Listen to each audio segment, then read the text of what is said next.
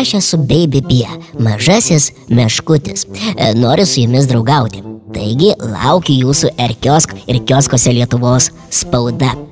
Aš esu pats mažiausias ir turiu dar daug ko gyvenime išmokti. Tačiau aš daug skaitau, sėkmingai draugauju su kompiuteriu ir svarbiausia, visada įsimenu senelio, senojo meškino patarimus bei pamokas. Vieną iš jų, kodėl reikia rušiuoti šiukšles, papasakosiu ir jums. Taigi paklausykite. Kartą likęs vienas namuose, užsikaičiau arbatai virdulį. Vandens įpėliau nedaug, tik vienam podeliui.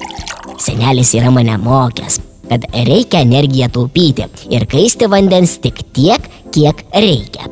Užsiplikęs ramunėlio arbatos, prisėdau pavartyti senelio laikraštį.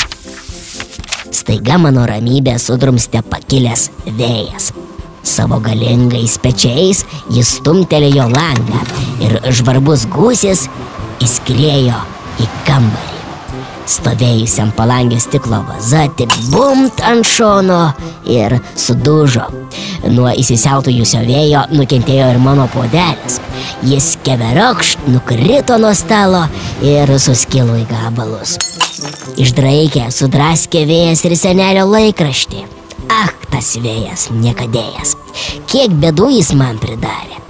Teks su juo rytoj griežtai pasikalbėti. Pamaniau ir surinkęs stiklo šukes, laikraštį ir sudužusio plastikinio podelio lūženas sumečiau į šiukšlių kibirą.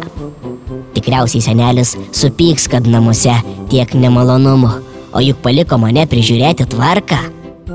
Nepraėjo ne valanda, kai virtuvėje pasigirdo neįprasti garsai. Tarytum kažkas aiškintųsi santykius.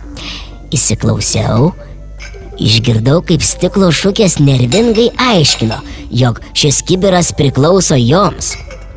Puodukas irgi nenusileido. Skūsdamasis, kad vaza savo aštriais nagais braižo jo šonus.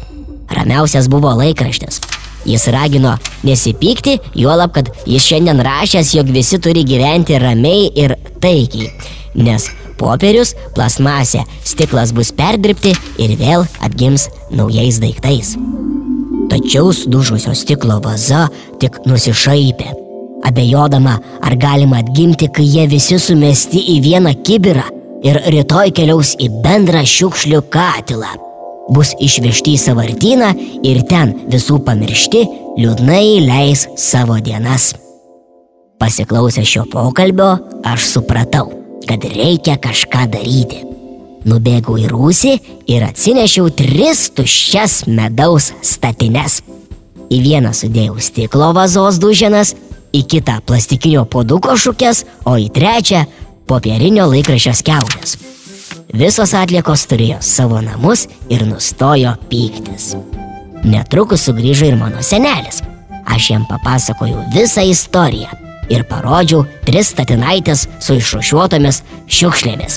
Senelis pagyrė mane, kad aš atskyriau atliekas ir pasiūlė mažuosius mano šiukšlių konteinerius nudažyti skirtingomis spalvomis. Ten, kur bus dedamas stiklas, statinaitę nuspalvinau žaliai, kur plasmasė geltonai, o kur popierius mėlynai. Senelis paaiškino, kad išrušiuotas atliekas galima perdirbti ir iš jų pagaminti naujus gražius produktus. Popierinės servetėlės, nosinėlės, popierinius rankšluošius, stiklo tarą, plastikinius žaislus, indus ir daug kitų. Seneli, o kas nutiktų šiukšliams bendrame kibire, jei mes jų neišrušiuotume? Paklausiau. Senelis susimastė ir papasakojo, kad išvežtos į savartyną jos terštų mūsų aplinką. Ten jos metų metus tūnotų ir pamažu irtų.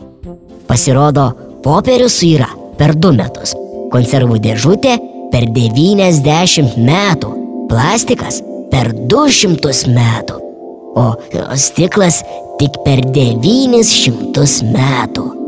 Tai bent. Ar žinote vaikai, kad Lietuvoje yra daugiau nei 800 savartynų. Juos kasmet įvežama maždaug 3 milijonai tonų įvairių atliekų. beveik pusė jų dėja neišrušiuotos, jų likimas liūdnas. Taip aš išmokau dar vieną senelio meškino pamoką ir nuo šiol atliekas rušiuoju. Senelis daug skaito, aš daug piešiu. Jau esame sukaupę daug makulatūros. Taigi, ryt su seneliu važiuosime į popieriaus perdirbimo įmonę. Norime, kad mūsų popieriaus atlikos būtų perdirbtos ir atgimtų nauju švariu popieriumi, ant kurių būtų atspausdinta daug įdomių istorijų. O, o jūs ar rušiuojate šiukšles, a?